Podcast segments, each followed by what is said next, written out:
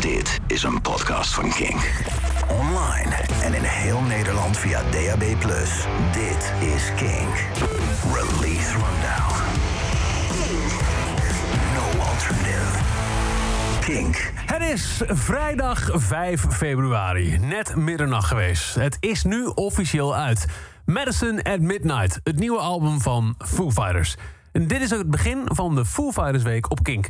De hele week geven we het album weg op vinyl en ook Foo Fighters t-shirts. En nu aan het begin van vrijdag mogen we het album ook eindelijk aan je laten horen.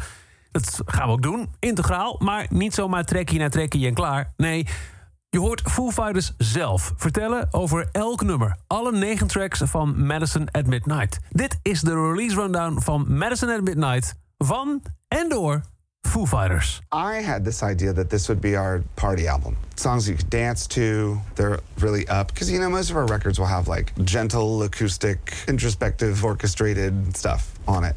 Good stuff. Good stuff. I didn't want any good stuff on this record. I just wanted to boogie. Well, I compare it to a Van Halen album for that reason. Because you go into a party and Van Halen's playing girls, boys, everyone's happy. And, and I think it's like that. Yeah, that's kind of what I thought would be cool to do. So I was always using David Bowie's Let's Dance album as reference. I just wanted something with that vibe. Let's see. Where do we begin? First song on the record was actually the first song we recorded. I remember after we recorded Making a Fire, I was like, oh, fuck yes. We are onto some shit that we've never done before. First of all, that house where we recorded it had the best drum sounds. I like that in this house, we didn't, you know, usually you go into a makeshift studio and people start putting up baffles and moving things. And we're like, no, that, that couch is the baffle. And that painting is, Yeah. like, don't touch anything. Leave it all. exactly. Don't move anything. Don't move any furniture. like the couch was the perfect. Whatever it did, it did it perfectly, yeah. I should have taken the couch. well, that song, Making a Fire, started with just the riff. It was such a weird riff, I had to kind of try to find a melody. That was the hardest part with that song. I had all these different ideas. Hey! Uh, yeah, remember that there was that other one. Hey. I mean, that was down on it. Like, that was, well, it's done. And Yeah. it was just one day, it's like, no, it's nothing like that. Sometimes when I go up to the mic when we're singing it, that's the first thing that comes out. I go, hey. I liked recording in that house because everyone was hanging out in different little areas. Yeah, we all found our spot. That upstairs bedroom that was the control room, if anybody was like working on something in front of the mixing console, and then a couple other band members policing what that person was doing. Good Policing, way of putting it. and then enjoying. someone in the kitchen cooking, usually Nate outside reading. It was cool, man. It was a great place to make a record. little guest house with a, uh, we had another little room with all our gear set up. Where was your favorite place to hang out? I liked the uh, policing zone, but then I, Refereeing. I think that's what we called it. refereeing. When someone would do something you didn't like, you go like, yeah, well, so, you know, I, I moved into that house before we all moved in there. I was in there doing demos just by myself. It's one of the reasons why we recorded the record in that old house was because, first of all, I had lived in that house 10 years ago. I rented it for a year. And as I was sending those demos to our producer, Greg, he was like, God, where are you recording this? It, it sounds great. I'm like, oh, it's just this funky old house. Was like, well, let's just do it there.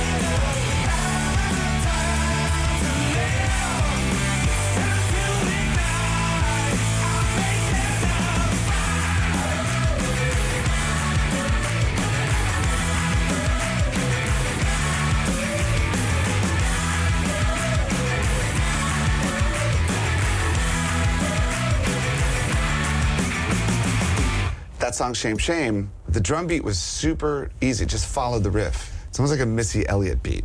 I had this other song that I was demoing that had this weird snapping thing that that was on another song, but that snapping thing worked on the Shame Shame Yeah. beat. And so when um, Taylor did the drums for Shame Shame in the stairwell, just a kick and a snare and a hi hat at the top of the stairs, you squeezed in this little landing.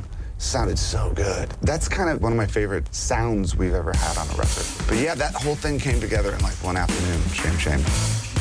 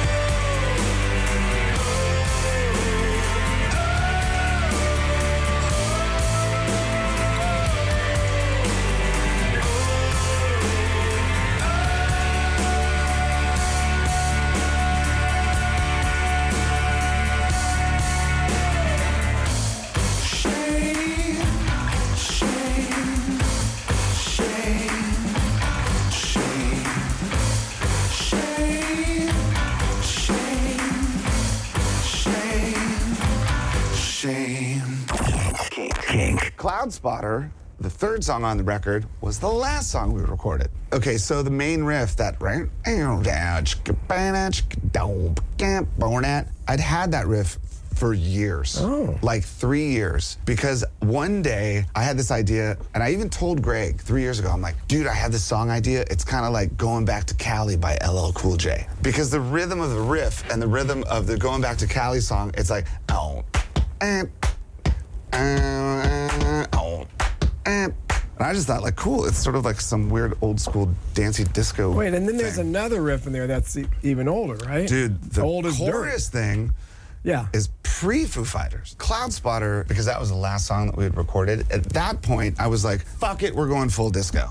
You know what's so funny? I wasn't a disco person until the 90s. yeah. Well, like when everybody was like getting all grungy and shit, I was listening to disco. Because as a drummer, Nevermind is all disco drumming. The Nirvana record Nevermind. Oh my God. That is Tony Thompson, Omar Hakim disco shit.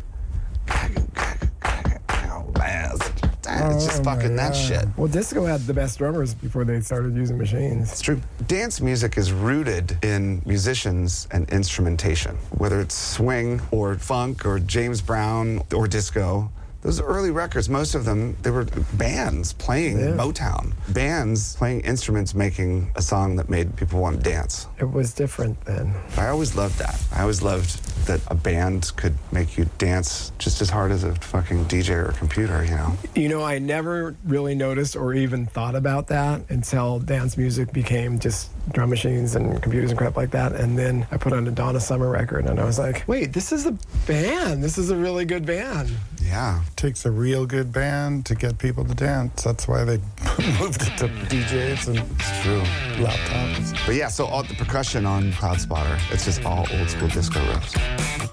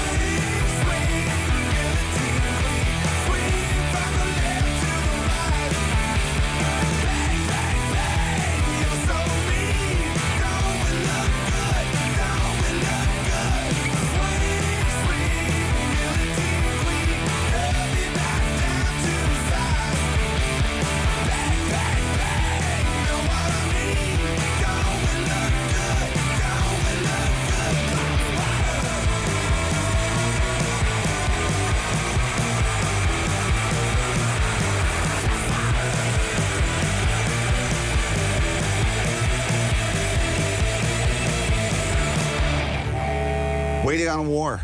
That one came later in the session too. And I'll tell you why I wrote that song. When I was a kid, my biggest fear in life was that we were gonna have a war. And I would have these dreams. I'd be standing in my backyard and just see the missiles going up overhead. And while we were making the record, one day I was taking Harper, my daughter, to school. And in the car, she goes, Dad, are we, are we gonna have a war? Kids feel the same as I did then. You're worried that there's gonna be a war. So I, I immediately wrote the song. I remember thinking it was going to be more of a ballad, and it still sounds so huge. Once we finished it, I always imagined that's going to be a song we play every night for the rest of our lives and that everybody will sing along to. I was like, that's that song. I've been waiting on a war since I was young.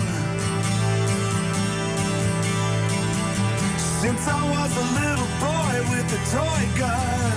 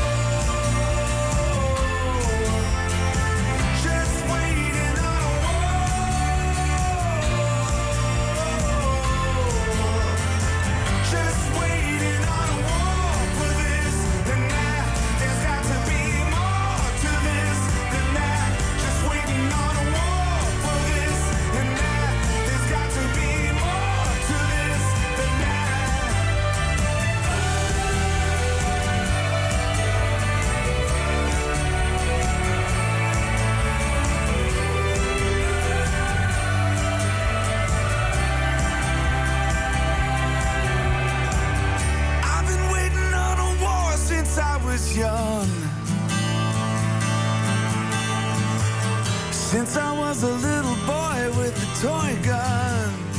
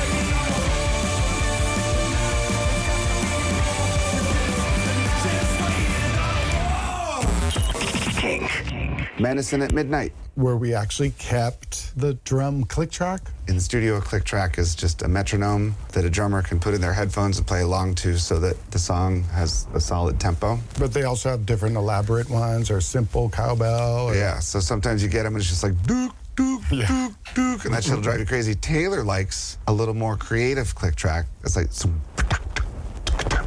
that he can sort of play along to that. But it's funny because I remember at the end of the day after we finished recording it, I asked our engineer Daryl to make me a rough mix, and he took click track out. Because it's a click track. Yes, and I put it in the car. I'm like, Where is what it? happened to the song? Where's the percussion? and then I put it back in. I was like, there it is. Fuck.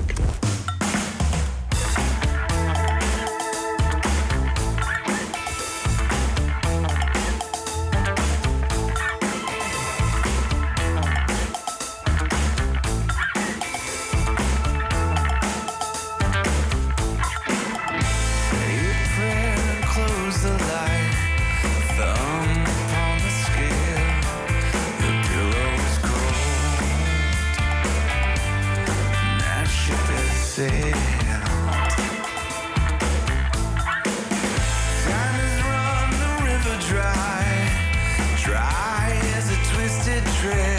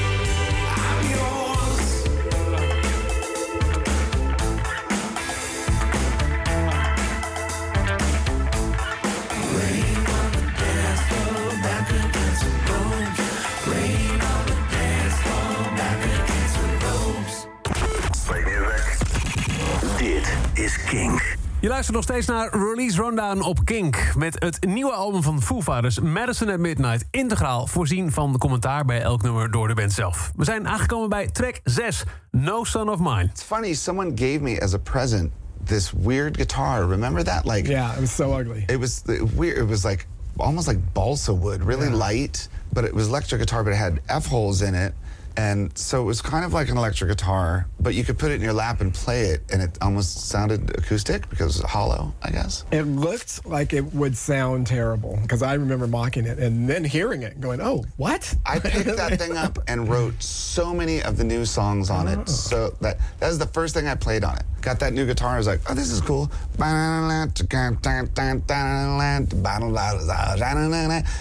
I was like, oh my god. I think I have a new riff. This is cool. And then like the banana, No Son of Mine. There were a couple of them on that guitar. No Son of Mine. That riff originally was very, uh, it was more like George Thorogood. We changed it. And it's a weird timing. It sounds simple, but it's so weird. You think that it starts on the one, but it doesn't. right. It sounds Oh, like it's. No, that's not right. I, it took me a long time. I mean, a really long time because I would listen to the tape trying to memorize what it was, and. I still always counted it wrong. Oh, we'll fuck it up every night on tour, I'm sure. It's a really weird thing when you can only hear the one in the place that you can hear it. I'm really glad it's on the record because I can't wait to open shows with it. I mean, do you remember when we had these conversations beforehand that was like, okay, let's go in there, let's not play by the rules that we always had. Like it has to be this or it has to be that. And no It has to- pre-production? Yeah, we didn't Not rehearse the songs. all. We just went in and kind of built them. If we want to use a drum loop, use a fucking drum loop. Just put whatever the song needs on the song. Yeah. I remember thinking that. I remember thinking we did Making a Fire and we were super psyched. And then we started recording something else that kind of No sounded like a Foo Fighters song. Yeah, No it was Son of Mine? We We normal just went right back into sounding like the Foo Fighters. It might not. It might have even been something that's not on the album. It is. It was one of those. It sounds like something we would do. Like, remember the feeling you would get after doing Shame Shame or Medicine at Midnight or Making a Fire? One of those songs where you're just like, fuck, that's us?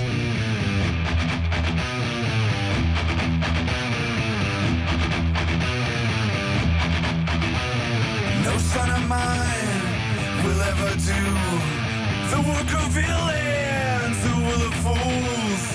If you believe it, it must be true. No son of mine, no son of mine.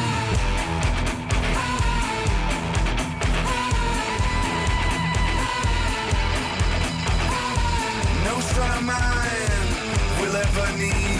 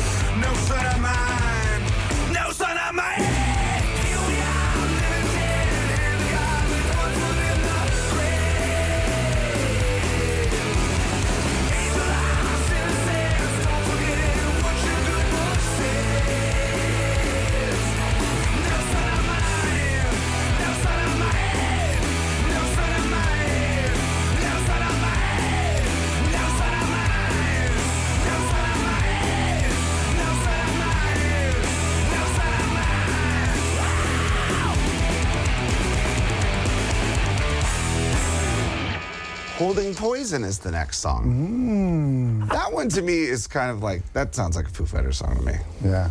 Again, with more of those crazy, spooky backup vocals in the middle section. Oh, yeah. Doodle doodle doodle. Oh, now that's the witchy stuff. Oh, Yeah. oh, yeah. No, that's. Yeah, that is. That was when you witchy. said, "Don't forget to leave something witchy." Uh, I like the last chorus or pre-chorus where you do the vocal in a round. It was sort of delayed and tracked. So cool. I remember ha- doing that and saying to Pat, like, Pat, what do you think? Do you like it? You were like, yeah, I liked it the first time I heard it on Now I'm Here. by Queen." I was like, And I said, "So do it like that." So you were policing it like upstairs like on it. Refereeing. yeah, that's not police. Kink, kink, no alternative. Alternative. Alternative.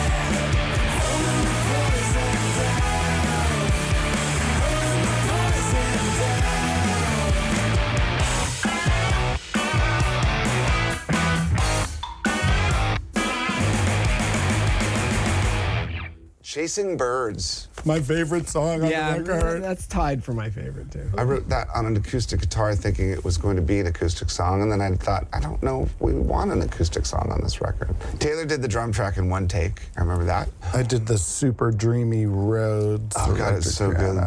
And uh, oh God, Inara's 10cc weird vocal, using it as a uh, instrument. Yeah. For those of you who don't know, our producer Greg Kurstin is also in a band called The Bird and the Bee. It's Greg and this woman named Inara George, who is the singer of The Bird and Bee, and she has the most beautiful voice. So much that Greg took her voice and sampled it on a keyboard, and we put Inara on the song without even having Inara there.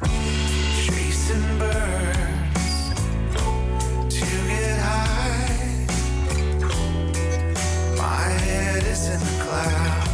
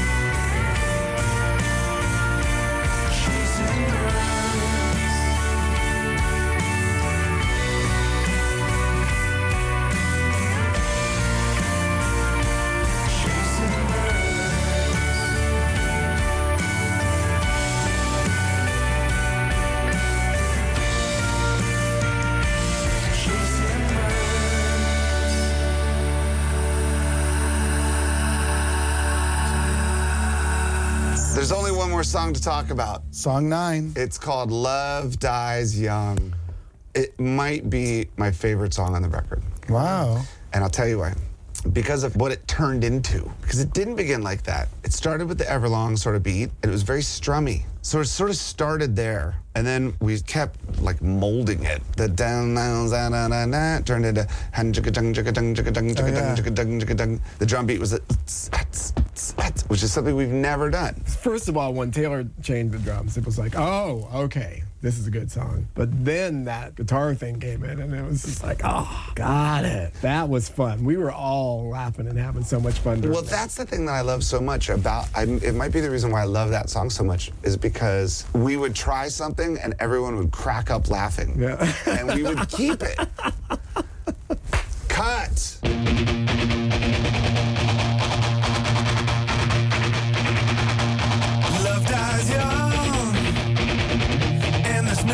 No